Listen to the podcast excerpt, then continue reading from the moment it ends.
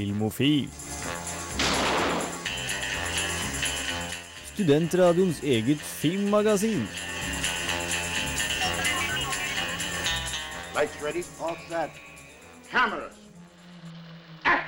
Hei, hei, hei. Velkommen til eh, Filmofil. Programmet som tar for seg alt nytt og spennende innenfor filmverdenen. Jeg er Camilla Klein, og jeg skal være programlederen deres i dag. Med meg i studio som alltid har jeg Kristine Rokkan Eriksen. Hei, hei. Hei, hei. Formen er bra? Ja, veldig bra. Klar for Yes. film. Det er bra. Og så har vi vår nye, som dere kanskje hørte i uh, forrige uke, Christer Kank. Nest nyeste. Nest nyeste. Ja. Dere ble for så vidt tatt opp samtidig, men du har en eh, sending bak deg, så du er veteran nå. En sendingsforsprang, ja. Yes. Så nå er det en ny som vi skal hakke på gjennom programmet. Ja, Gratulerer med det. Du. Aller nyest i studio er Torgrim Bakke. Yes. Hey. Takk for det, Jonas. Takk for det. Yes, Hvordan føles det? Jo, det føles veldig godt å være tilbake i et eh, Beklager at jeg nå snakker om studio igjen. Jeg vet at Siste gang så fikk jo du beskjed om at vi ikke skulle gjøre det. Men det er veldig godt å være tilbake i studio igjen, og det er veldig godt å være her med dere for første gang. Jeg gleder meg veldig og var veldig trist og lei meg sist. Ikke bare for at jeg var sjuk, men at jeg måtte sitte og høre på og ikke noe være med å snakke om film. Så, og bare for å siden dere snakka om, spesielt om Disney-prinsesser. Bell er best. Punktum. Ja, ja jeg kan, kan kanskje være enig i den, faktisk. Speaking Ja, of Disney-prinsesser. Uh, men ja, vi skal ta med og snakke med Torgrim mer etterpå. Uh, først skal vi høre en låt. Da skal vi høre She Will Never Shiver av Broen. Så da hører vi på den. Kommer vi tilbake straks.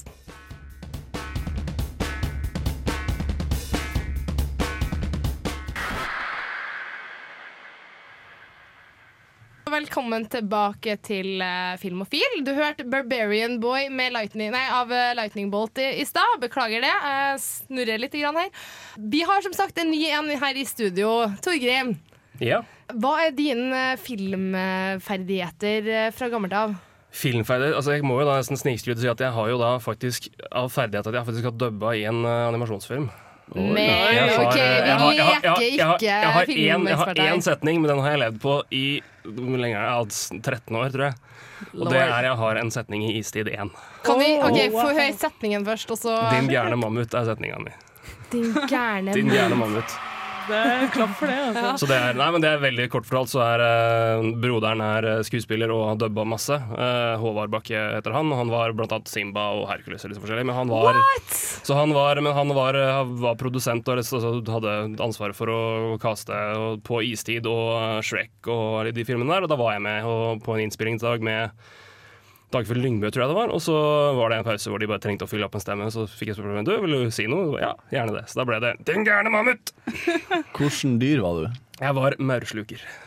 Ja, det Så det er, det er altså, helt i starten av filmen, når de, de dyra trekker sørover og mammuten går bastant nordover, og alle bare 'Hvor skal du hen, da? Du går feil vei!' Da kommer jeg inn og leverer min linje. Oh, som, shit, eh, stemme! My line of nå. life. Så det er vel den ferdigheten jeg kan skryte av. Men, eh, Det er ikke dårlig. Det er ganske bra ferdighet, vil jeg Ja, si. så, Altså. nei, men sånn rent uh, kunnskapsmessig Jeg har jo ikke studert noe. Altså, jeg er bare veldig glad i film og sett masse film. Eh, jeg ble opplært da jeg gikk på folkehøyskole. Da havna jeg i gang med noen sju-åtte filmcrazed folk som studerte film og var liksom helt eh, inn på ting jeg aldri hadde tenkt på før, som i klipping og alt sånt der. Så jeg, da fikk jeg på en måte øya opp for at det var en annen verden bare enn å se på skjermen og få historien mata til, Ja. til deg. Så Nei, men jeg er bare veldig, jeg er veldig glad i film som, som forteller medie. Og ikke bare det at du får historien, men måten man forteller ting og også med stemning og klipping og, og alt sånt der. Så jeg er veldig veldig glad i film og er eh, klar for å lære å, og ta det til et nytt nivå. i løpet Ah, av et vi år. skal gi deg opplæring så godt vi kan. Kanskje du kan meg. eh, lære oss et par småting. Altså, Kjendisstatus er ikke dårlig, det. Altså.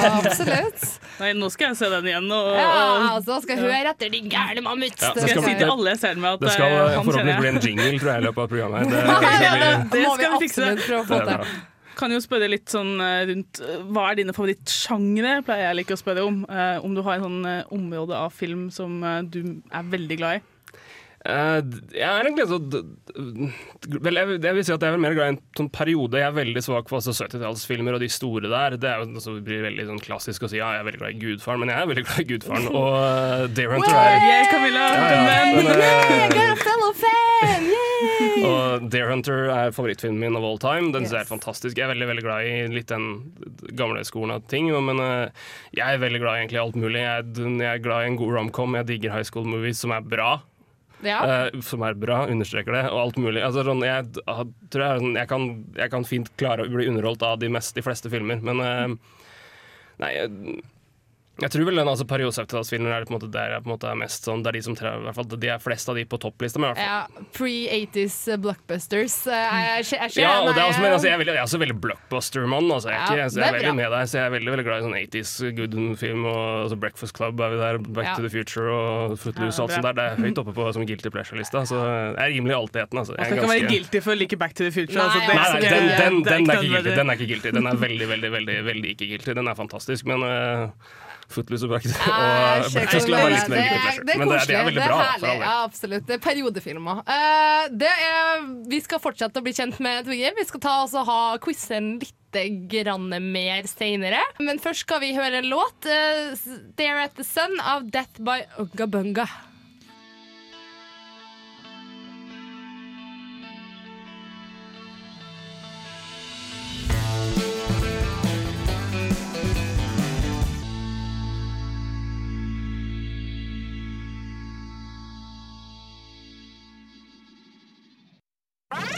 Filmofil gir deg nyhender fra filmen og fjernsynets i spanende vær.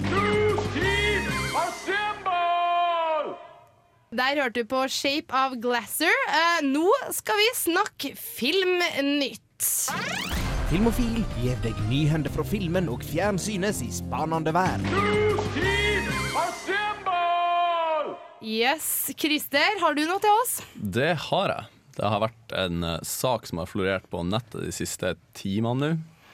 Og det her er jo en godbit for alle Breaking Bad-fans, som jeg regner med det er en del av der ute. Ja, absolutt. For uh, av, av produsenten Peter Gold, som har vært med på veldig mye av prosjektet og lagt føringene for hvordan ting har vært, eh, har nå gått ut og sagt at det bekrefter at det kommer en spin-off av serien. Oi, oi, oi. Yes. Nemlig Awesome. Better Call Kristine er kjempegira. Tror det er flere som er gira. Jeg er gira sjøl. Den heter Better Call Saul. For et navn! Yes, og for folk som har fulgt litt med i programmet, så skjønner de jo selvfølgelig at det her er da eh, advokaten, den litt lugubre advokaten Saul Goodmans sin eh, egen serie. Ironisk navn. uh, Goodman. Ja, ja. Så eh, Goodman blir fortsatt spilla av Bob Odenkirk, som Bra. spiller en slesk og god rolle.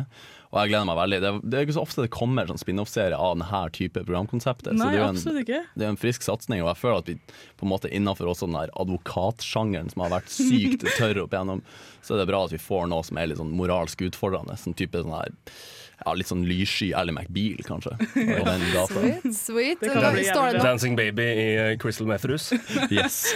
står det noe om eh, når det kommer til å komme? Nei, det er veldig ferskt. Det jeg har kommet over av nyheter, er egentlig bare at det har blitt bekrefta at det skal i produksjon, men noe tidsestimat er ikke All right. Nei, men da får vi bare holde oss eh, parat og klar. Og, Og glede Breaking, oss. ja, Breaking Bad-fans, ta også følge følg med på det her, for det tror jeg kan bli en skikkelig godbit. Torgrim? Ja, fra spin-off til eh, en oppfølger på en oppfølger på en oppfølger på en oppfølger. Eh, Pirates of the Caribbean 5 eh, skal jo etter planen være ute i 2015 en gang, men det skjer nå ikke. Eh, den utsettes grunnet manusproblemer, eh, står det rett og slett. Eh, at gutta begynner å gå litt tom for ideer, det er, skjønner jeg jo. Det, jeg, som jeg sa før programmet, at Hvis du begynner å nærme deg Politiskolen, som har sju, da begynner du å være litt i problemer, mener jeg. Olsenmannen har jo 15-16, men det skal vi ikke snakke om, for det er fantastisk.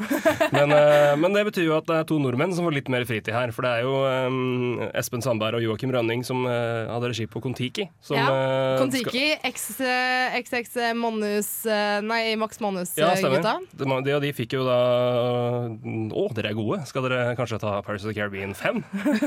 Men det må da nå, nå må de sitte og vente litt lenger, for den blir utsatt. da Det kommer sikkert til å bli kasta rundt til alle manusforfattere i hele Hollywood før den kommer på skjermen. Alltid et godt tegn, det. altså Men når vi snakker om eh, Max Manus-problemer her, så er det jo ikke første gangen eh, de her guttene her er i Hollywood.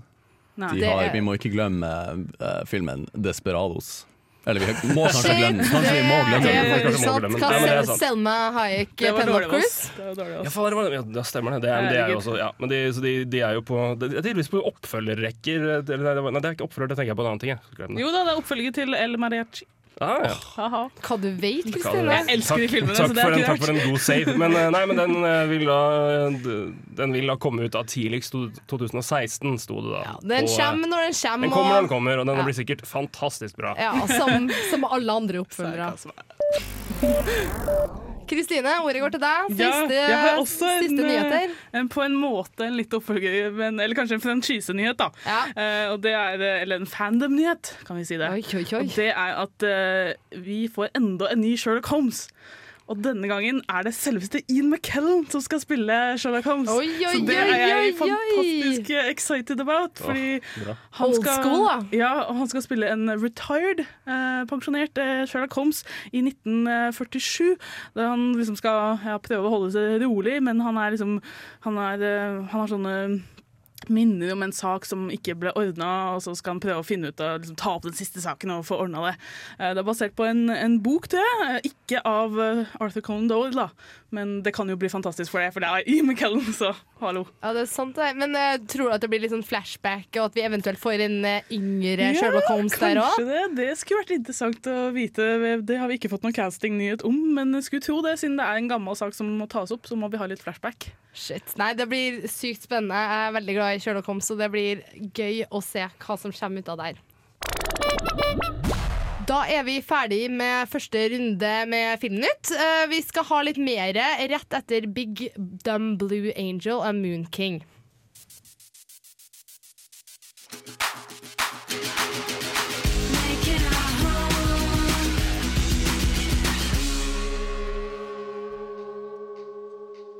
Du hører på Filmofil fremdeles, og vi skal høre litt mer videonytt. Filmofil gir deg nyhender fra filmen og fjernsynets i spanende verden. Yes, Er det noen flere som har filmnyheter her? Kristine? Ja. Jeg rakk opp hånda først, så da fikk jeg gå først. det føltes litt som jeg var tilbake på skolebenken der. Uh, flashback, nei, uff. Uh, jeg har en, litt, uh, en liten nyhet som kanskje ikke er av interesse til så veldig mange, men jeg syns det er viktig å nevne, fordi det er en film som jeg gleder meg veldig til, og den heter The Fault in Our Stars, og det er basert på en utrolig søt bok av en av mine favorittforfattere, John Green. Slå opp han på YouTube hvis dere ikke har hørt om han. Han er kjempemorsom og kul. Eh, og det er, nyheten er at William Defoe har fått en rolle i filmen. Og det gjør jo filmen eh, kanskje mer av interesse for andre som er William Defoe-fans. Og han skal spille en karakter som heter eh, Dr. Peter Van Houten, og den, han, er, han er veldig sånn og han, skal liksom, han, han er litt sånn JG Salinger av boka, da, kan du si. Okay. At han har skrevet en bok for mange mange år siden, og så låst seg vekk. Og, og hovedpersonen eh, hun skal da prøve, hun, Hennes største drøm er å møte han før hun, hun er døende av kreft. Så det er sånn, hun vil, dra til, hun vil dra til Nederland og treffe denne doktoren, som har skrevet hennes absolutt favorittbok. Så jeg tror han kan spille den rollen perfekt. Når skal denne uh, filmen komme, da? Uh, altså De holder på å lage den. Han, uh, John Green legger ut sånne kule produksjonsvideoer hele tida fra settet, så det ser ut som de har det veldig gøy. Ja, så det kommer kanskje i løpet av neste år. Får håpe. Krysser fingra. Ja, Krysser fingrene for det. Det blir spennende uansett. Yes, Christer. Ja.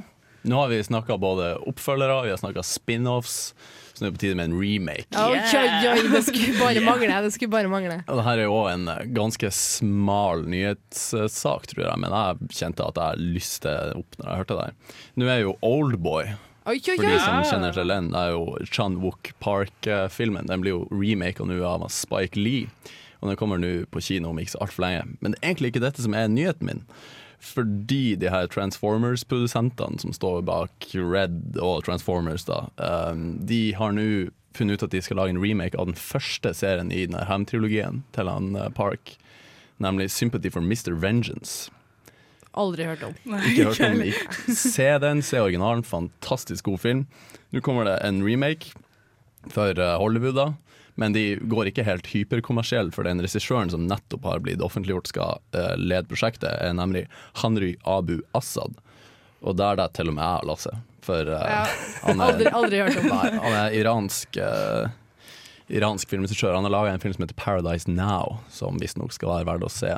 Ja. Men jeg er helt sikker på at den her Sympathy for Mr. Vengeance-remaken ut. superinteressant. Så det her det kommer vi til å følge med på i fremtida. ja, det blir gøy. Det blir veldig spennende. Sist, men ikke minst, Torgrim. Ja, jeg skal få æren av å sette punktum. Og Yes. mine damer og herrer, for et punktum! Det er nemlig klart at Will Smith er i samtaler om en rolle i Independence Day 2. Lord Almighty! Det her Vi, altså, det, for å være litt seriøs igjen, Han bekrefter at han er i dialog med regissør eh, Ronald Emmerich, som vi skal snakke mer om senere. Eh, han er ute med en ny film. Men uh, han er da i dialog med han om en rolle i oppfølgeren. Uh, det er eh, Screen Rant og Total Film som melder det her. Um, og han har, uh, lenge vært sett på som han var for dyr for den filmen. her Han har blitt en stor stjerne nå, må vite. Uh, men uh, det er uvisst hvor stor rolle det er snakk om her. Uh, han kommer da tilbake som Captain Steven Hiller. Å, han må det. Han Men han, han, skal, det, han må jo det. Og det som er enda bedre, som jeg leste ved saken her, er at hvis han blir med, så kommer han antageligvis i godt selskap. For det ryktes ganske kraftig at både Jeff Goldblum, Bill Pullman og Jed Hirsch er klare. Shit. Og at filmen, skal, altså- og at filmen skal plukke opp rett etter der eneren slutta. Og det hvis det? Hvis det her sånn stemmer, så er det her helt nydelig. Eh, og det her er så farlig for meg å si, for jeg elsker Independence Day. Jeg har sett den over 50 ganger, og det er ikke kødd engang. Det er helt, helt strålende, fantastisk morsom, alt, altfor kongefilm. Eh, men gud bedre for, en, eh, for et pidestall den, den, den, settes på den turen her. Den har veldig mye å følge opp. Men åssen kan de gjøre det sånn, altså, rett etter den første slutta? For de er jo, utrolig, altså, de er jo blitt eldre, selv om Ja, Moe Smith det, ser veldig fin ut for det. Altså. Men eh, altså, jeg, akkurat nå er jeg bare for glad til å tenke logisk på hvordan det skal gå av. Jeg bare nyter det her det, først. det. Eh, og det, det er ikke satt noe fast ennå, men eh, ifølge Emerick så skal filmen ha kommet i dag enten, 2015 eller 2016. Så eh, tell ned, venner. Tell ned. Det her blir så gøy. Yes, nei, det blir veldig spennende. Eh, Det var som sagt siste sak. Vi kommer tilbake straks. Da skal vi ta og høre litt eh, kinopremierer, så det blir ekstremt spennende.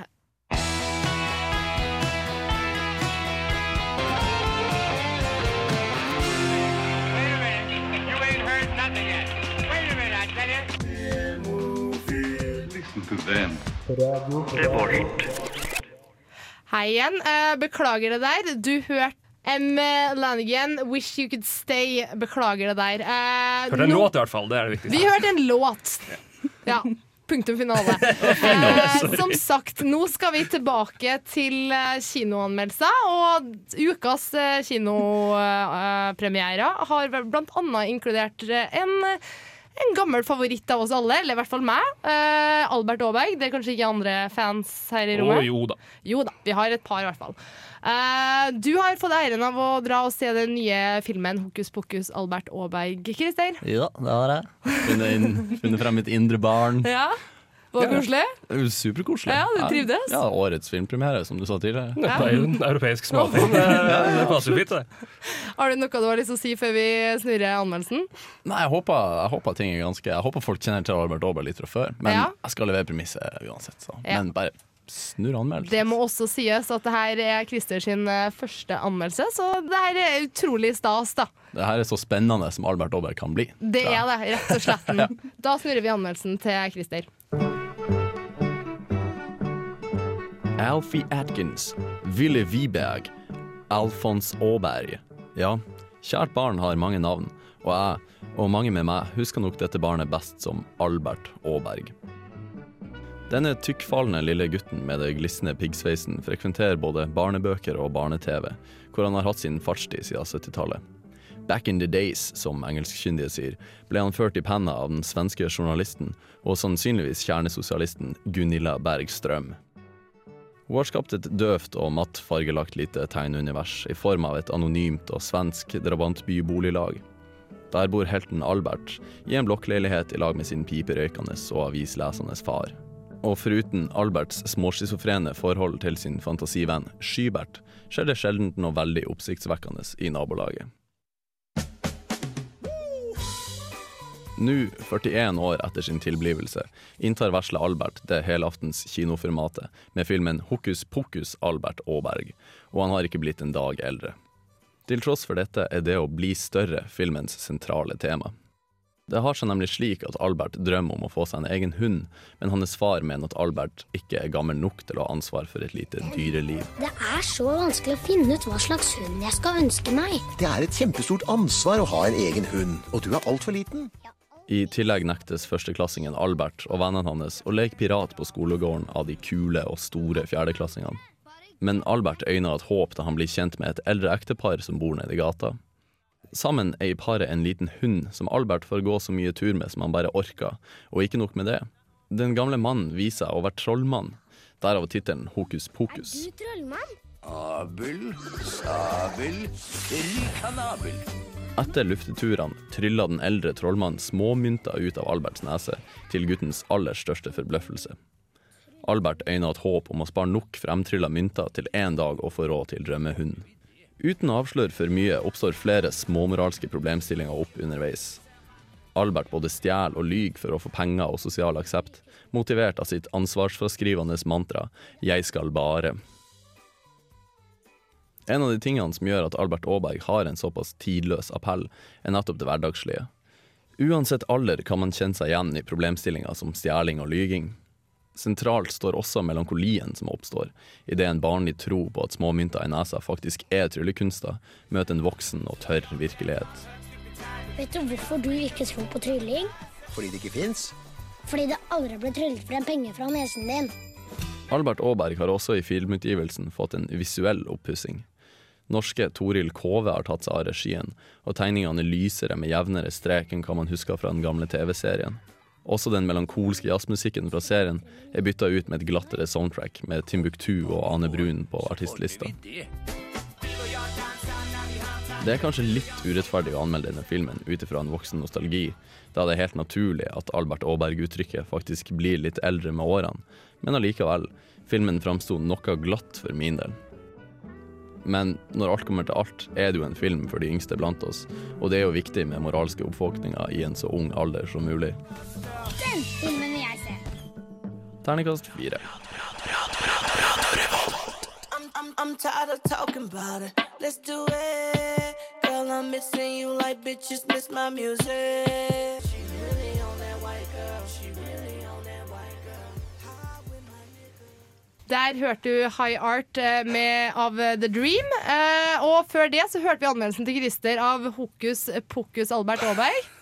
Kan jeg bare påpeke hvor ekstremt bra at vi er at vi går fra Albert og Hokus Pokus Albert Aaberg-anmeldelse til en rapplåt hvor refrenget er I'm in love with my girl, I get high with my niggas. Ja, det, det, det er Det ganske, er, det er er sweet. god radio, det er god radio, ja, rett og slett. God radio.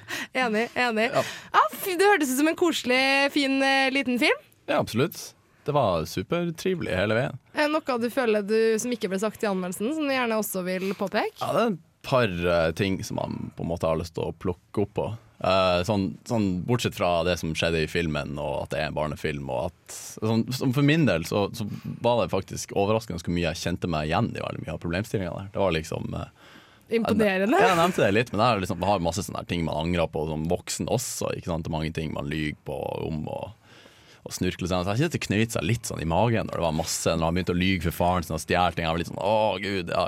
Ja, jeg kjenner så meg de igjen. Parallellene der kan man jo overføre uansett alder. Da. Ja, det er sant dere der, altså. Men altså, jeg, veldig mange barnefilmer, men filmer av den typen her, er det, altså, det er en animasjonsfilm for kanskje de litt mindre, men det er veldig mange av barnefilmer blir jo blant overdrevent moralske og veldig sånn Her er det en lærepenge. Hvordan er det i den eh, Er det på en måte teskje med moral dytta ned kjeften på oss, eller er det På ingen måte. Det var litt mer sånn utforskning av forskjellige moralske mm. dilemmaer. Det var liksom ingen sånn klare svar eller noen ting. Så det var veldig fint. Men det var på en måte sånn, som et sånn motsvar til det her, eh, det moralske og alt det der, så syns jeg også så det som gjorde filmen så glatt, var ikke det moralske og det etiske i det, det var mer sånn det estetiske. da.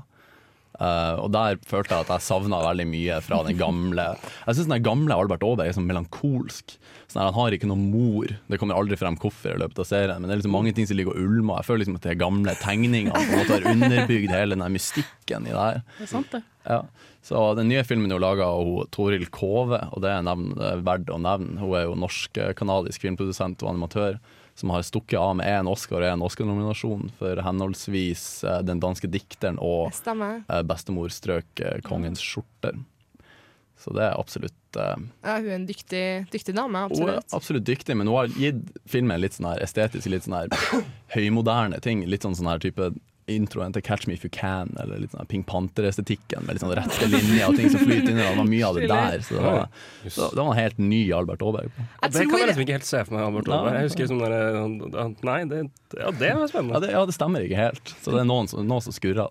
Um, jeg tror at uh, det er en fin liten uh, barnefilm. Jeg vet at uh, jeg kjenner flere sånn unge mødre som har vært veldig, veldig fast bestemt på at det her, det her er en film jeg skal se med mitt barn. Ja, og de, man må bare skyte inn De fleste ulykkene skjer hjemme. Det er fredag den 13., det er premiere, så drar jeg på kino. Det er det tryggeste. Men, det er vi er, men vi er jo veldig, i hvert fall jeg merker jeg, jeg vet ikke hvordan det er med dere, men jeg er veldig sånn at det, Jeg vil jo så veldig, når jeg får unger, på en måte bringe det jeg hørte på, det jeg så på da jeg var liten, til de. Og på en måte, for jeg, men det vil jo være alltid men Når man blir eldre, så vil jo det man på en måte gjorde før, være sånn ah, det var så mye bedre. Men jeg Ja, mener helt genuint det var bedre. Det var faktisk litt Knutsen Ludvigsen er å bli det meste barnegreiene ever, for at du lærer noe av det, og det er smart. Og det er sånn, så det er Albert Aaberg-film. Det er jo topp for de som har barn og bare kan Det, det fins da unge ting som, altså nye ting som folk lærer. Dora the Explorer er faktisk veldig lærerikt. Adventure All right, Time. nå, Adventure Time, folkens, nå sporer vi helt av her. Eh, over fra Albert Aaberg, eh, barnefilm, til action i eh, Det hvite hus. Eh, så har vi også sendt Torgrim for å lage en anmeldelse av White House Down. Yes. Fortell litt om den. Eh, noe helt annet enn Albert Aaberg, det skal jeg love deg. Ja. Det var eh, i hvert fall eh, veldig det, det, det var nok av ting som skjedde. Eh, det var eh, Altså, det er Når jeg kommer tilbake til Roland Emmerich, så er det her hans nyeste film. Eh, og ja, det er, vi snakker Hvite hus, vi snakker terrorister, vi snakker uh, biljakt, vi snakker mye action. Så uh, mer og mer om det etterpå, men det er, eh, det, er, det er på godt gård norsk full pupp i den filmen her. Sweet. Ok, Men da tar vi faktisk og hører anmeldelsen til uh, Torgrim av White House Down. Alpha 1, do you have the target? Roger that. We're holding the president in the library. That's a library. Don't go in there. Just.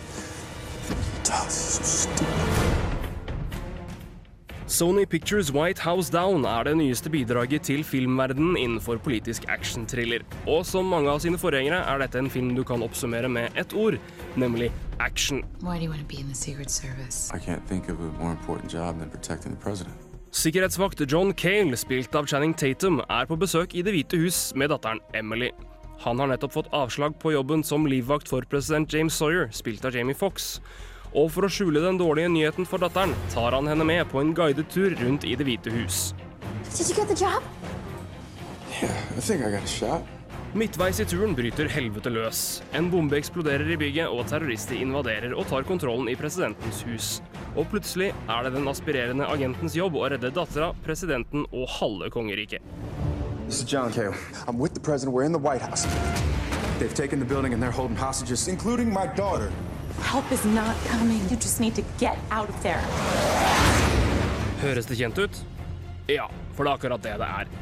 Ikke bare er det påfallende likt Olympus Has Fallen, som hadde premiere tidligere i år, men eh, her virker det som om manusforfatter James Vanderbilt og regissør Roland Emmerich har fulgt håndboken 'Hvordan lage heltene mot terroristene'-filmer fra perm til perm.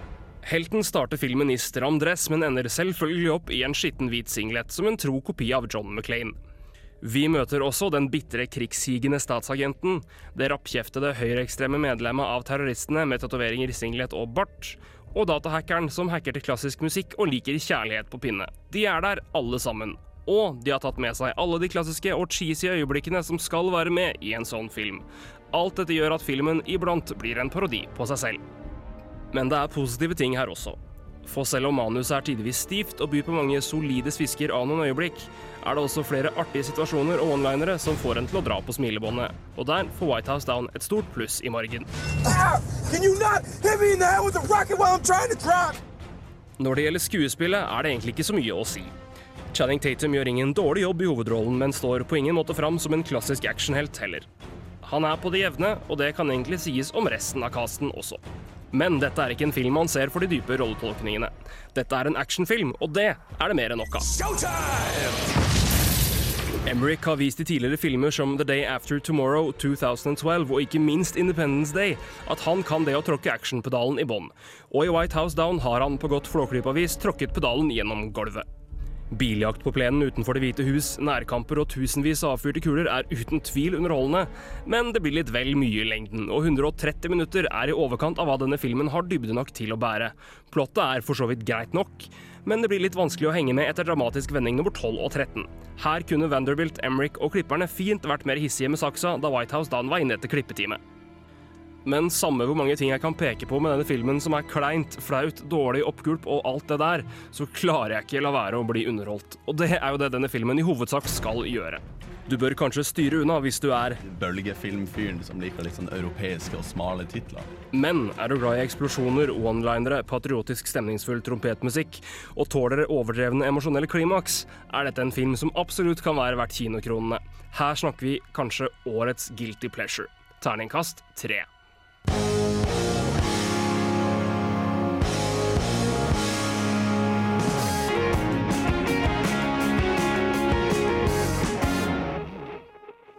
Yes, der hørte du Macedonia med driver, nei, av Driver Friendly. Før det så hørte vi anmeldelsen til Torgrim av White House Down. Det hørtes ut som en spennende affære, det. Absolutt. Ja, altså Spennende i den grad at, ikke, at du ikke skjønner hva som skjer, så er det kanskje ikke så spennende. men eh, det er det er en berg-og-dal-bane. og Det, er- det, er- det er faktisk en emosjonell berg-og-dal-bane, for du ler og du griner at det er så pinlig iblant, og så er det kjempespennende, og så er det bare 'å, herregud, det der det er så opplagt'. Og så er det sånn, du sitter liksom, det er, Men det er så gøy totalt. Men filmmessig er det jo ikke i nærheten av å være en bra film. Nei. Men til sitt virke er den helt, helt flott. Og det er en guilty pleasure på toppnivå. Altså. Det er kjempegøy. Altså, det er sånn Jeg kommer ut der, jeg, er sånn, jeg skammer meg litt for at jeg syns det er gøy, men det er kjempegøy. Ja, men Men det, jeg kan jo ikke gi noe mer enn en jeg treer. ja, nei, jeg har, jeg har det samme til ganske mye sånn actionfilmer. Kristine, du har også sett ja. uh, White House Jeg har det, og jeg Deler du Torgrim sin eh, oppfatning av filmen? Ja, for det meste. Jeg tror jeg har litt, eh, litt mer positivt uh, uh, syn på den. Eh, det kan hende det er fordi at jeg så uh, den eh, andre versjonen av denne historien, som heter Olympus Has Fallen. Som er så å si akkurat det samme, bortsett fra med koreanere og ikke inside eh, job. Da. Eh, Så eh, jeg føler at den var såpass dårlig Den var sånn derre å gud nei, vær så snill-opplegg. Så at når jeg etterpå så White House Down, for å sammenligne, så virka den utrolig mye mer sånn bare gøy. Og at eh, liksom de som lager filmen, veit hva dette her er, og vi er med på spøken deres. Mens Olympus Down er mer sånn der, nå prøver vi veldig hardt å lage en veldig kul, grøff actionfilm, og det funker ikke. Nei, nei, for det er vel bare et par uker siden at du, eh, du eh, sa Olympus eh, Has Fallen. Ikke se den, se White House Ja, Down. det stemmer, og det er rett og slett fordi at er, Olympus Has Down greier å ta et helt latterlig konsept og gjøre det enda mer latterlig, mens White House Down tar et latterlig konsept og gjør det severdig. Så det er relativt er samme plott, altså. er egentlig det. Ja, men det er litt, men altså, jeg er enig i det du sier. Altså, for det er, fordi de har de må på et tidspunkt der ha litt, ha litt sjølironi Ja, på det. Og det er det, de har noe, altså, det er sånn, de har noen parodier på ting. Altså, det, er sånn, det, er, det er veldig lite sjølhøytidelig iblant, men allikevel så er det jo noen ting der som er ja, Det faller gjennom. Men det er, det er mye mer enn sjøl, altså, det er, de har mer sjølironi til seg sjøl enn det mange andre har som lager sånne filmer. Jeg syns jo, synes jo det er veldig påfallende at eh, John Cale er et anagram for John McClain.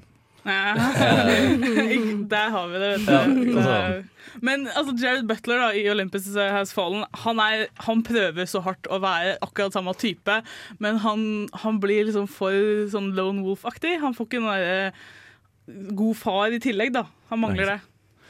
Men på en måte huset av denne filmen her, sånn, sånn spin-off-potensialet, kommer det til å bli fem, seks, sju Nei, jeg vet ikke. Nei, jeg tror ikke den er noe franchiseverdig. Nei, det vet jeg ikke. Men noe jeg glemte å si nå, men som jeg kan si, er at de har eh, selvfølgelig så er jo dattera der, og selvfølgelig så blir hun altså, Du er enig om at han må redde hun på et vis. Shocker. Jeg, jeg, gidder ikke si spoiler alert, for det er sånn. Men, men de, de klarer å Jeg syns de gjør hennes rolle i filmen og det hun gjør, til, det er litt nytt, og det er veldig gøy. For hun er, hun er veldig altså, ja, Emily Cale, som heter, jeg husker ikke hvem som spiller Jodie King, tror jeg. jeg husker ikke Men uh, som gjør en fin jobb, er flink. Og hun er en, eh, en politisk liten nerd på elleve år som samtidig har en YouTube-videoblogg-ting, som hun er politisk ting, og hun er Um, og hun er der og, på en måte, og spiller en rolle og filmer litt og er litt, er litt aktiv. Og det er ikke mer sånn at de bare finner ut at Oi, der er dattera vi skal ta henne. Hun, er faktisk, altså, hun spiller litt rolle. Mm. Så det syns jeg var veldig OK.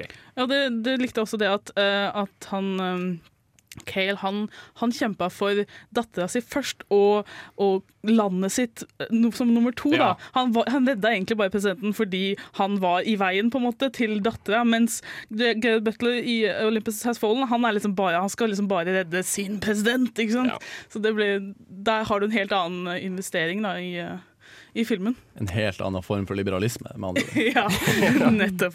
Men det er også en veldig liberal film. Altså, det er jo, vi kan si at Presidenten rett før det skjer, så er han i ferd med å gjennomføre en veldig kontroversiell fredsavtale med Midtøsten og Iran, hvor Han han er trekker ut alle.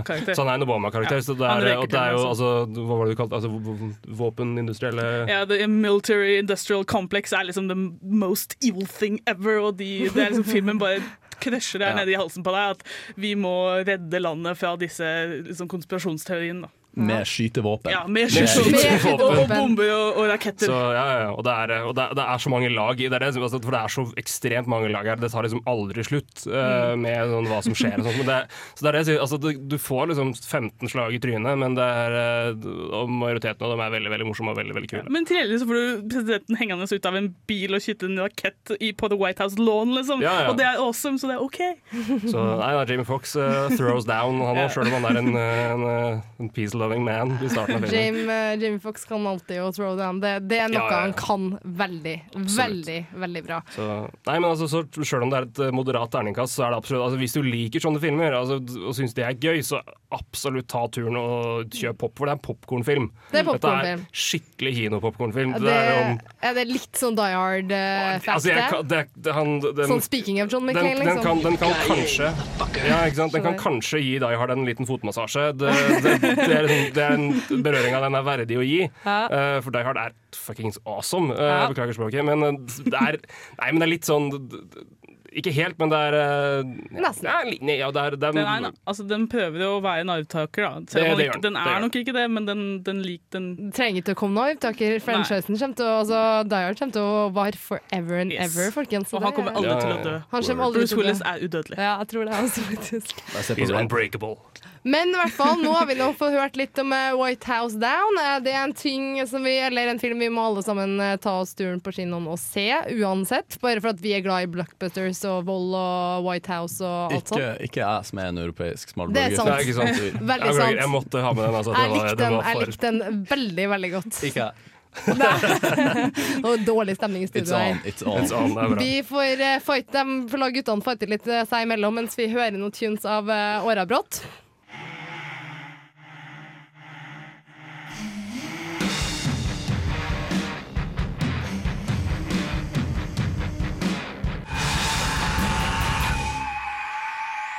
For et program i burra med både klasse og stil. Du hører på Filmofil.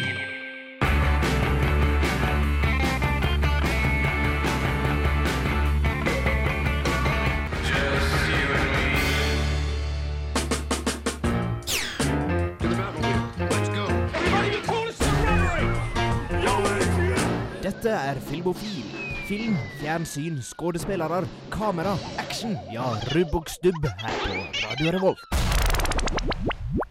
Da hørte du Crystal Stills der uh, rett før uh, du hørte vår lille jingle. Uh, nå skal vi over til å quize Torgrim litt. Grann. Ja, vi skal det. Er du nervøs?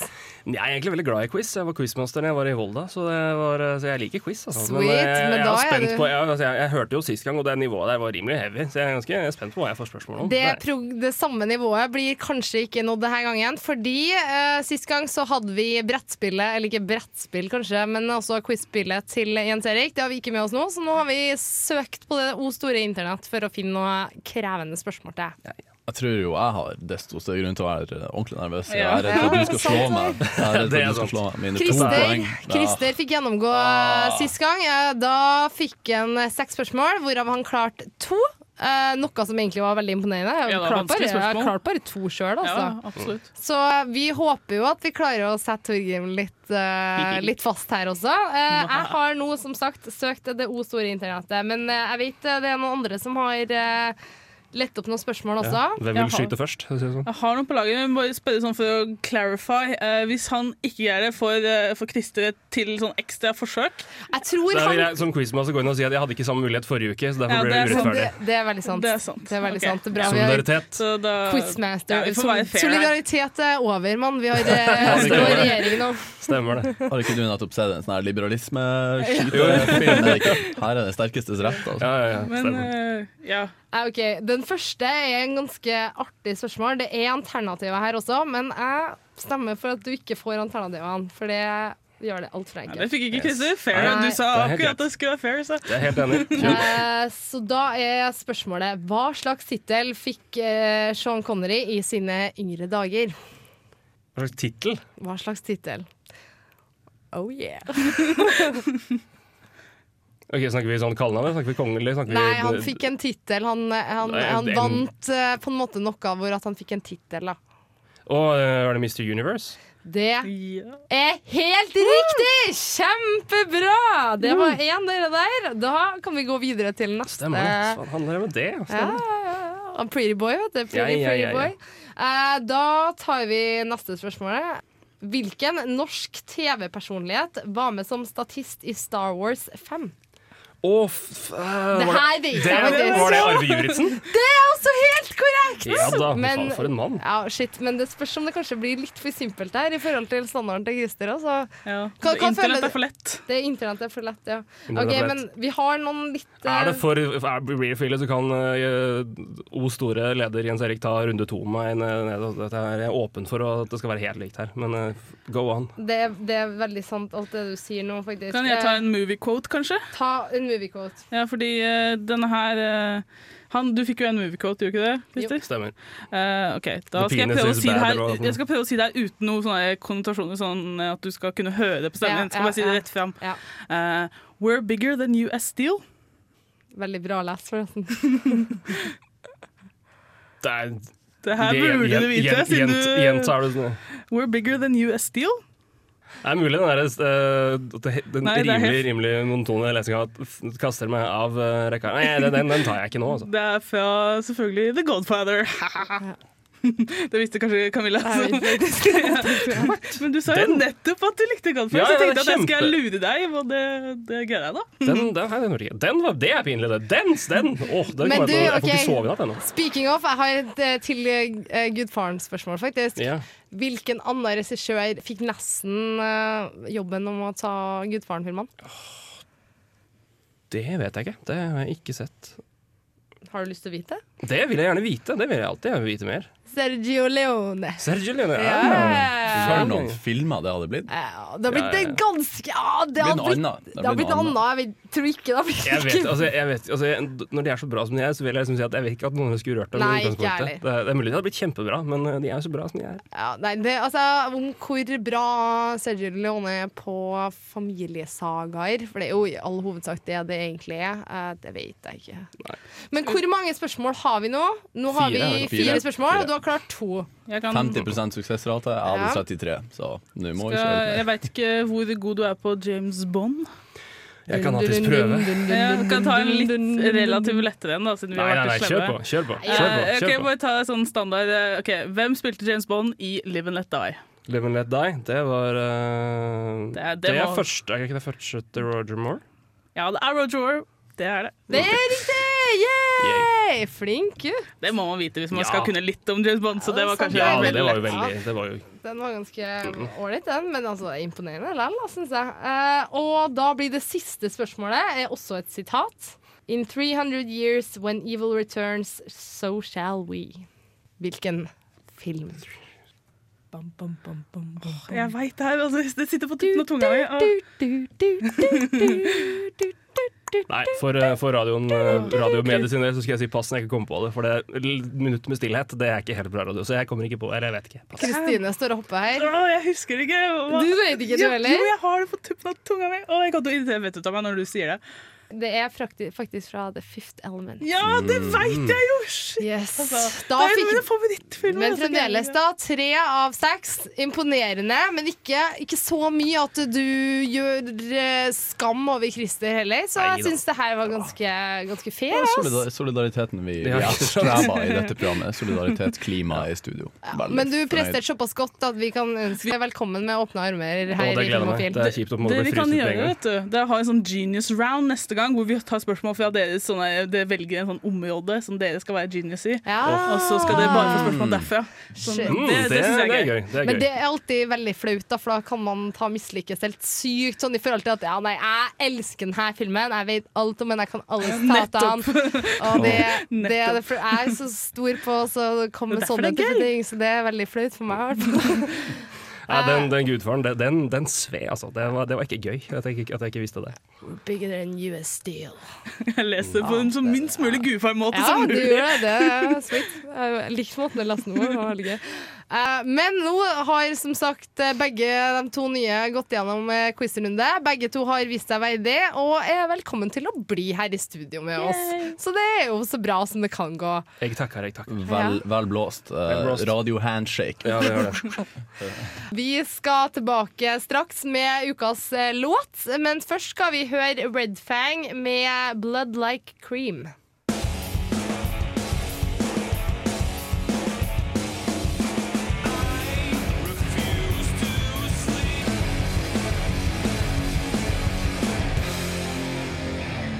Play one, Sam. Det er jo alltid å ha musikk når den er påtent. Helst noe indisk eller pakistansk. Ukas filmlåt. Yes, eh, du hørte Red Fang med Blood Like Cream i stad. Nå skal vi over til ukas filmlåt. Og den er det Torgrim som har fått æren til å Yes. bestemme. Ferskingen bringer varene i dag, altså. Det er Ja, sånn det sweet, sweet, sweet. Hva er det du har valgt, og hvorfor? Uh, jeg har uh, valgt den låta her fordi eh, altså, en, den er bra. Den er jævlig bra. Den er kjempekul. Uh, to, det er eh, Jeg har noe sånn Jeg hører veldig ofte på den. Er sånne, jeg får sånne gamle låter uh, som jeg hører gjennom sånn, i hvert fall to ganger om dagen på Spotify når jeg sitter på bussen. Ja. sånt der. Og akkurat nå så er det Power of Love med Huey Lewis and the Ah, News som åpner enn den strålende filmen som ikke er Guilty Pleasure, som vi fastsatte i stad, nemlig Back to the Future. Og det er korrekt. Det er kanskje den låta som er, har den kuleste starten jeg vet. Det, det, det dundrer i både synt og trommer. Det er så fett. Så det, nei, men det er eh, en kjempekul låt fra en, eh, en fantastisk film. Men det er jo en helt sykt feel good-sang òg. Det er jo sånn Ja, ja, skikkelig ja, sånn, skikkelig sånn jeg, jeg, jeg tar meg selv og skipper nedover gata når jeg hører på den, liksom, og bare blir sykt happy. Ja, nei, men det er, det er Alt som er bra med 80-tallet, er putta inn i den låta der. Og bare du, du kjører ut i, tre, i fire minutter. Det er så gøy. Og det var når 80-tallet fortsatt var glam og bra. Ja, Vi og vet den... jo alle sammen hva som skjedde med Hugh Lewis and the News når det ble eh, filmlåt i American Psycho. Det var, Ja, ikke sant? Da, var det, helt om på da snudde det. det helt om på det. Men jeg, Å, sånn, ja. så er det også, så er det også Jeg en, hang ikke med god et sekund der. Men så er det også for meg en Jeg, jeg, synes jo jeg savner jo tida da det faktisk var movie soundtracks og poplåter var med i filmer og spilte en sentral rolle. Jeg syns Ja. det var kjempegøy. Og jeg syns det er så synd at ikke det er lenger. Det er kanskje helt greit men, men, med tanke på de låtene som dere kunne vært med nå, men det, Det var, en, det var en Will Smith som ødela det her. Han var den siste som holdt på med det, og etter det så var Det det, helt sant, det er det han, sant. han bare Han begravde den tradisjonen. Ja. Ja, men uh, hvis Det hvis det var han, så vil jeg si. Ja, stemmer det. Ja, eh, Wild Wild West. Liksom. Ja, ja. Ja, det ville vært, det ville vært et er. Hæ? Den er ikke filmen, jeg snakker om låta! Ja, ja, om ja, ja. Ja, men låta er kjempekul! Nei, filmen er også som låta er med. Anyways. Uansett, i hvert fall. En film som alle her er enige om er også er Power of Love fra Back to the Future, Ja. som er ukas filmlåt. Yes, without further ado.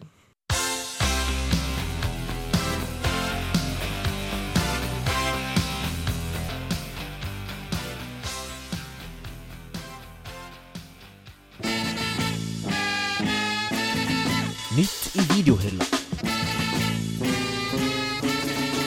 Rykende ferske digitalfilmer som du kan ha i din heim. Yes, yes, yes. Der hørte du Huey Lewis and the News of The Power of Love, som var ukas eh, filmlåt. Godt valg, godt valg, det vil jeg absolutt si. Og Thank you, applauderer madam. for Thank det. you. Thank you. Eh, nå er vi over i den seksjonen av programmet vårt som heter Videonytt. Og da tar vi for oss hva som har kommet ut på DVD og Blu-ray denne uka her. Er det noe nevneverdig, folkens? Eh, Det er ikke så veldig mye. Det er et par ting. Jeg vil gjerne slenge ut eh, Jurassic Park eh, 3D på Blu-ray så for Jurassic Park er awesome og burde Mm. ses med best mulig kvalitet. Og 3D-versjonen er faktisk veldig bra. Det er ikke noe er over, det er ikke noe over Jeg så den på- så den på kinoen når vi gikk her i, tidligere i år, og det er, eh, det det er ikke noe overlassing av 3D-effekter. Det er der det passer, og det, er, eh, og det har en effekt. Det, har, det bedrer litt filmen, og det var, det var kjempegøy. Det er noen scener der som virkelig er kule når dinosauren hopper Ja, det mot er det deg. jeg ser for meg. Altså. Ja, Det må være ganske fett når at du får den derre Ja, mot det, deg, liksom. det var veldig veldig gøy. Og det, igjen, men det, det, det er ikke overbrukt. Og det, det er altså, De bruker det for å fremme filmen, ikke bare for å putte det inn der for å se. Vi kan kjøre 3D vi òg på en gammel film, og det er veldig veldig bra. Så pluss i margen for det. Kan også slenge ut eh, en av mine favoritter, Robot Chicken Star Wars 1-3. En gang til nå? Oi. Robot Chicken, Star Wars-versjonen, eller dems versjon av Star Wars, eh, som er dritmorsom, og jeg syns er bedre enn Family Guy-versjonen. No offense til de som liker Family Guy, den er bra den òg, men jeg elsker Robot Chicken. Så. Mye mer edgy og gritty. Ja, det kan kanskje sies, men eh, sett den, det er kjempegøy. Så. Fins det, finner det på YouTube, eller? Det gjør du sikkert. eh, Det er sånne små, korte klipp eh, for det meste. Det er masse bra. Robot Chicken burde se seg alle som er generelt. Så ja, absolutt å få med seg. Eh, ellers er det ikke så mye. Jo. Ja. Jeg syns det er verdt å nevne at nå, 86 år etter at den ble lagd, kommer den endelig på DVD. Woo! Eh, nemlig Den andalusiske hund. Her kommer den europeiske eh, kunstfilmen eh, inn, altså. Men det er en, den har til og med jeg hørt om som en veldig anerkjent viktig Ja, film å ja, se ja, fra filmhistorikere. Så det, Kunst, kunst indeed. Det er jo faktisk eh, den surrealistiske kunstneren Salvador Dali. Som vi sikkert kjenner til, mange av oss. Ja. Elefantene med lange bein og smeltende klokker. Ja, vi- vi og filmen er, jo ikke, filmen er jo ikke mindre surrealistisk. Han har den ble regissert av Louis Bunier. Uh, litt usikker på uttale der, men det er, en absolutt verdt å se. Filmhistorisk viktig. Jeg har lagt en del premisser for filmeffektbruk i all ettertid, og den er, den bare godt å få med seg. 13 minutter, ligger på YouTube, se den.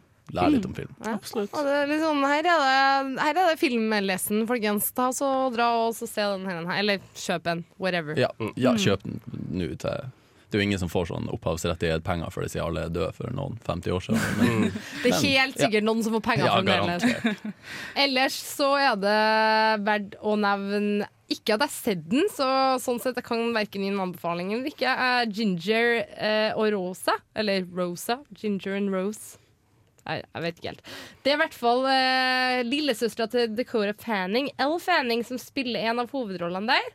Uh, ellers så har du uh, Christina Hendricks, som også spiller en stor rolle, og Annette Benning. Uh, sånn at uh, litt usikker på hvorvidt det er bra eller ikke. Noen som har noe forhold til?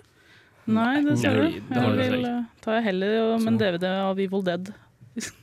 Eller Blue Lagoon, som Ja, også kommer post, posthumt ja. ut på DVD. Shit. Hvem var det som sa Jeg fikk faktisk jeg, jeg, Det er en litt guilty pleasure til meg med Blue Lagoon, for at jeg syns den er ganske rå. Pleasure, Liksom. pleasure indeed.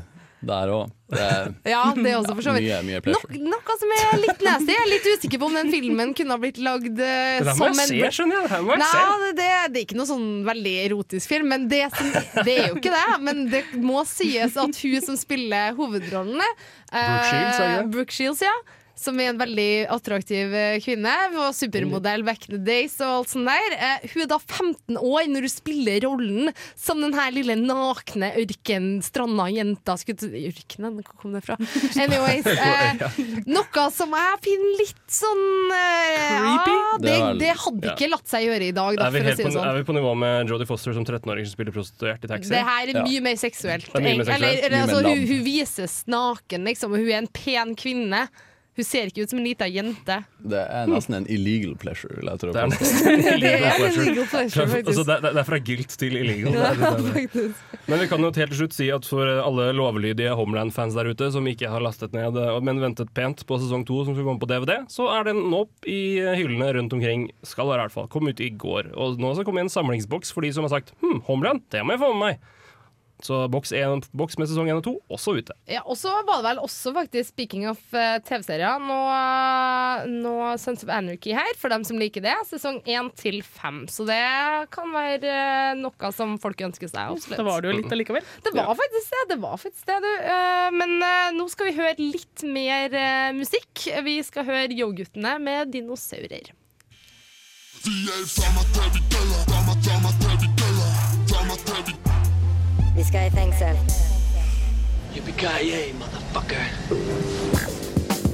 Du lytter til Filmofil på Radio Revolt.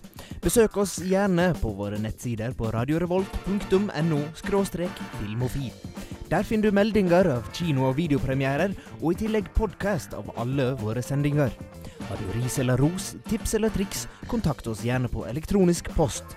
Filmofil, krusedullalfa, radiorevolt.no. Hei! Hei!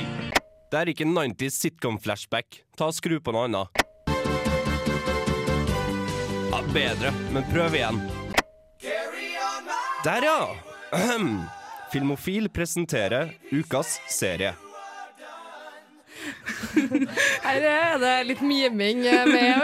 Ja, du må jo synge til 'Carry On My Wayward Son', da. Herregud. Ja, det er veldig sant. er det er det? Er veldig sant det du sier. Det er da Kristine som har valgt ut uh, ukas uh, serie, og det er, som vi hører Ja, det er Supernatural.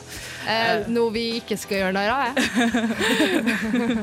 Nei, altså det her er eh, kanskje en guilty pleasure, jeg vet ikke. Den, eh, den blir ofte eh, sett på som en veldig jenteserie. Veldig mange jeg snakker med tenker liksom ah, bare to kjekke gutter som går rundt og er sexy, liksom. Men den serien her er full av av masse liksom, blod og action og morsom nerdehumor og full av metareferanser. Og, og bare Altså, hvis dette her er jentete, så er jeg liksom Da er jeg de- den Da, jenta. ja, da kan du kan være den jenta der, Ja, liksom. for den, den er, jeg syns den er herlig. Og ja, for de som ikke har hørt eller veit noen ting om det, så kan jeg si at altså, serien handler om Sam og Dean eh, Winchester. To brødre som har vokst opp som såkalte hunters, og de hunter etter eh, alle typer eh, overnaturlige ting. Fra liksom kjente myter, sånn Bloody Mary, eh, litt sånn HP Lovecraft-mytologi inni her, og vi har liksom standard spøkelser, og vi har engler og demoner, så det er sånn god blanding av det.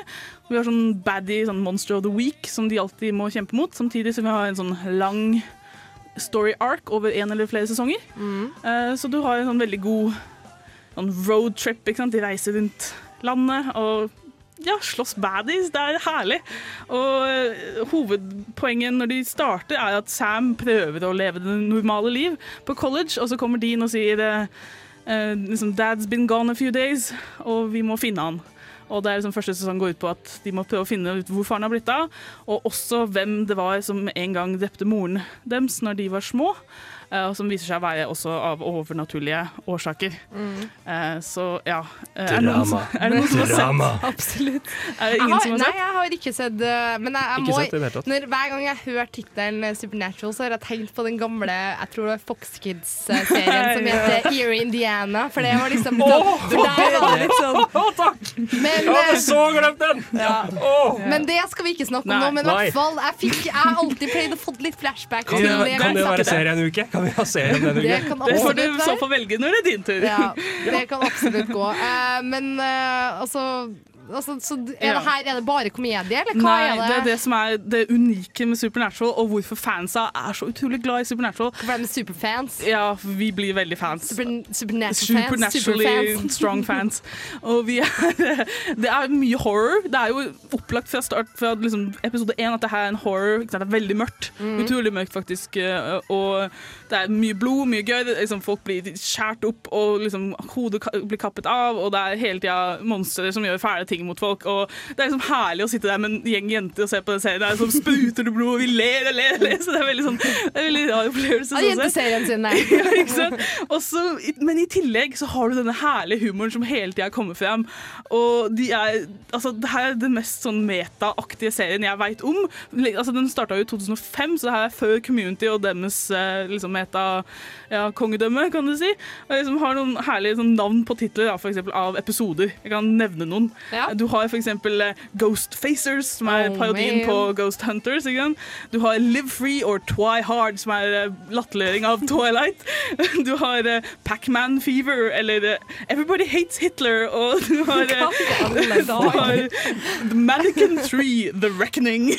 Du har noen helt bisarre titler og situasjoner. Altså, du har parodier på Back to the Future, Groundhog Day, The Intouchables, westernfilmer, Grey's Anatomy, CSI, Looney Tunes. Altså, masse episoder som går bare på å parodi parodiere en type film eller en type serie. Det digger jeg. Det Det her er noe helt annet enn det jeg trodde det her skulle være. Absolutt, jeg er helt enig. Altså, jeg tror, altså, noe jeg elsker, så er det liksom sånn ah, Det er fra den filmen! Yes! Og Det er derfor, det. det er derfor jeg hadde The Nanny som uh, serie en gang, for de refererer til veldig mye filmer. Men nå må det advares, da. Her kommer liksom andre siden av, av det. Og det er at det er jo først og fremst en historie om to brødre. Og disse her, det blir en veldig mørk og dyster historie, og det er hjerteskjærende. Og på slutten av sesong fem, det er som det som er den store hovedarken som de planla fra dag én, så er du helt Du griner som en unge.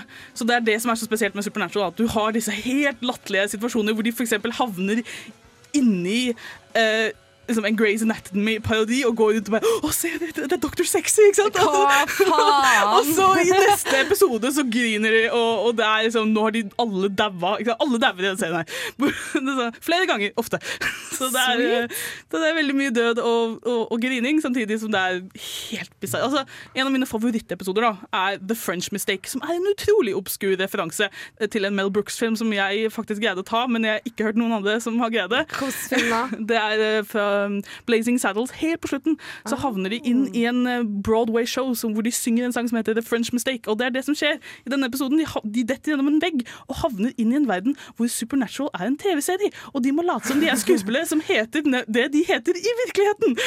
Så Nei, her er det meta. Her er det meta. Ja, det høres veldig mye bedre Jeg skulle liksom til å spørre om ja, Det var kommet en ny trend i hvert fall av altså, de siste åra med serier som eksempel Grim og sånne type Ja, altså, er eventyr, supernatural ting. Så jeg bare, men jeg skulle spørre om det høres som var noe à la det, men Ja. det høres jo ikke sånn ut i det hele tatt. Altså, det er mye det, fordi det, her, det er jo 2005, da, så det her var før de Grimm og American Horror Story og Vampire Diaries og, Ja, og True Blood.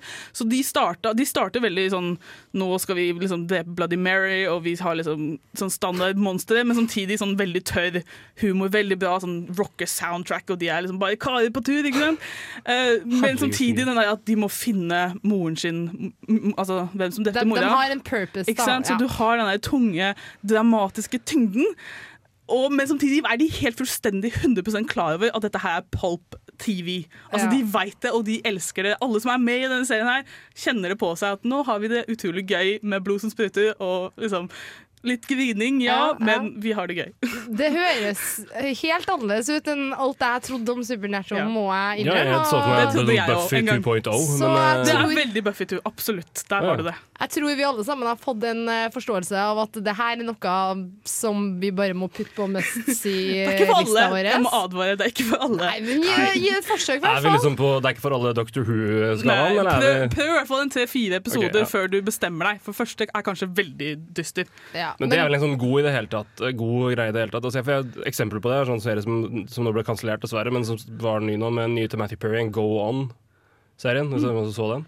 Nope. Som var uh, veldig sånn eh, de første episodene, men som ble bedre ble ganske Ja. morsom, men som dessverre ble kansellert. Men det er uh, Ja, serie i det tatt. Gi det et par episoder uansett, Ja. er mitt tips. Jeg tror at det her absolutt er noe som uh, noen av oss i studio Jeg tror jeg, tror jeg snakker i hvert fall for meg og Torgrim. Han virka like entusiastisk som meg. Christer? Kommer til å se den. Absolutt. Vi må sjekke ut det her. Yes. Sjekke ut. Så nå Herregud, det kokte jo helt. begynner vi faktisk å nærme oss slutten, så vi skal høre en eh, låt til før vi tar en liten eh, oppsummering. Og det er av eh, Chanel Mona, eh, 'Dance Apocalypse'. Apocalypse. Takk skal du ha. Takk skal Apocalyptic now, tror jeg vi sier. Da kjører vi bare den.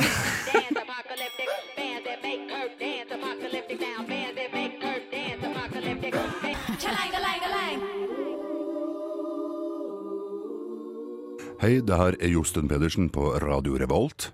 Radio Revolt, 12 points. Yes. Det kom- For endringer. Du likte den? Jeg er kjempe, kjempe, kjempefan. Ja, vi har som sagt kommet på slutten av sendinga vår. Eh, trist, som alltid. Eh, men i hvert fall liten oppsummering. Uh, Nyguttene våre, Torgrim og Christer, har vært eh, på kino og sett Hokus pokus Albert Aaberg. Christer, du ga han en Firer, en veldig snill firer. En snill firer. Ja, En, en barnefirer. Barnefirer, ja. Ja. ja. Moralsk oppbyggende firer. Ja, det er koselig. Og du var også White House Down. Det stemmer. Og den fikk, eh, fikk en treer, men det er eh, fortsatt en kjempe, kjempeunderholdende film hvis man liker den type filmer. Og Ja. som jeg sa, sa i, an, i anmeldelsen, fantastisk guilty pleasure-potensial. Altså, det, det er kanskje årets guilty pleasure. Er, eh, den er høyt der oppe. Så eh, det er en, treer, men hvis du liker, liker de type filmene der, så kom deg på kino og kjøp popkorn. Du kommer til å kose deg. Ja, jeg tror, jeg tror faktisk at jeg kommer til å like den, i hvert fall- hvert fall hvis er leker i samme gata som Die Hard. Og så er jeg veldig fan av Jamie Fox, Så da, alt, Ja, altså, alt kan- ordner seg alltid. Så kan man alltid selge til at «Å, Channing Tatum løper rundt i singlet. Det kan man alltid, alltid Det- selge med. Liksom. Det, det, tips til dere gutter der ute. Det på en måte kan være liksom jokeren i ermet hvis dama skal krangle med Nei, jeg vil se Jamie Fox er bedre. Wedding Bride 7. Wedding Bride, ja. Det var, det var en, u- det var en How Much Mother-referanse som ikke var meninga. Det var en Wedding Bride. Anyways. Uh, ukas uh, filmlåt, eh, det var det også du som valgte, Grim. Det var det, vet du. Og det var Det var Power Love fra den nydelige, strålende og helt fantastiske Back to the Future 1. Yes, av Hugh Louie and the News. Og ukas serieanbefaling, som vi alle sammen fikk oss en liten eh, oppvekker av. Jeg føler at jeg er oversolgt nå. At nå tror dere at det er noe helt fantastisk, men egentlig så er det ganske dystert veldig ofte. Så bare vær obs på det. Ja, så Men, lenge de eh, har litt av den ja. der eh, crazy humoren Det er mye crazy. om. Det er det jeg ser fram til. Nå er det sånn at jeg nesten spoler over de der heartfelt eh, conversations Ja. og bare kommer meg til goddelene. Den, den fins på Netflix, tror jeg. Norsk Netflix, og den er jo ute på De første seks sesongene er i hvert fall på DVD, tenker jeg. De holder på med nieren nå. De holder fremdeles på. Altså. Ja, ja. De, er, de, er, de, er, de skal ha en sesong ti, og de holder på med nieren. Og de skal kanskje til og med få en spin-off. Sweet, sweet, sweet. Og jeg føler det har vært litt sånn nostalgiepisode, så jeg skal i hvert fall hjem og se på Air Indiana. Ja. Det Sneakers og twist. Jeg skal ta det enda bedre. Jeg skal ta, jeg skal se på Breaker High. Skal jeg gjøre. ah, shit! Breaker High. Ryan shit. Gosling Uh... med Mitchell. Nick Carter ville Ja, vært misunnelig på. Nick Carter ville ha vært stolt, tror jeg. Ja, kjempe, kjempe Mitchell. Ok, Nå har jeg to, to nye, og det er Breaker High og Erie Indiana. Da må jeg hjem og se det, faktisk. Det tror jeg blir superkoselig. Vi har også hatt litt eh, filmnyheter og kosa oss med det. Det var skulle komme en Sherlock Holmes-film. Ja, det, det, blir spennende. Det tror jeg er den viktigste nyheten eh, for meg denne uka. Er Ja. At Ian McKellen skal spille Sherlock fucking Holmes. Ja, det er leste Will Smith i Independence Day 2! Ja, okay, Ja, det er unnskyld, også- unnskyld. De to er på liten linje. Ja, absolutt. Sean Park Wook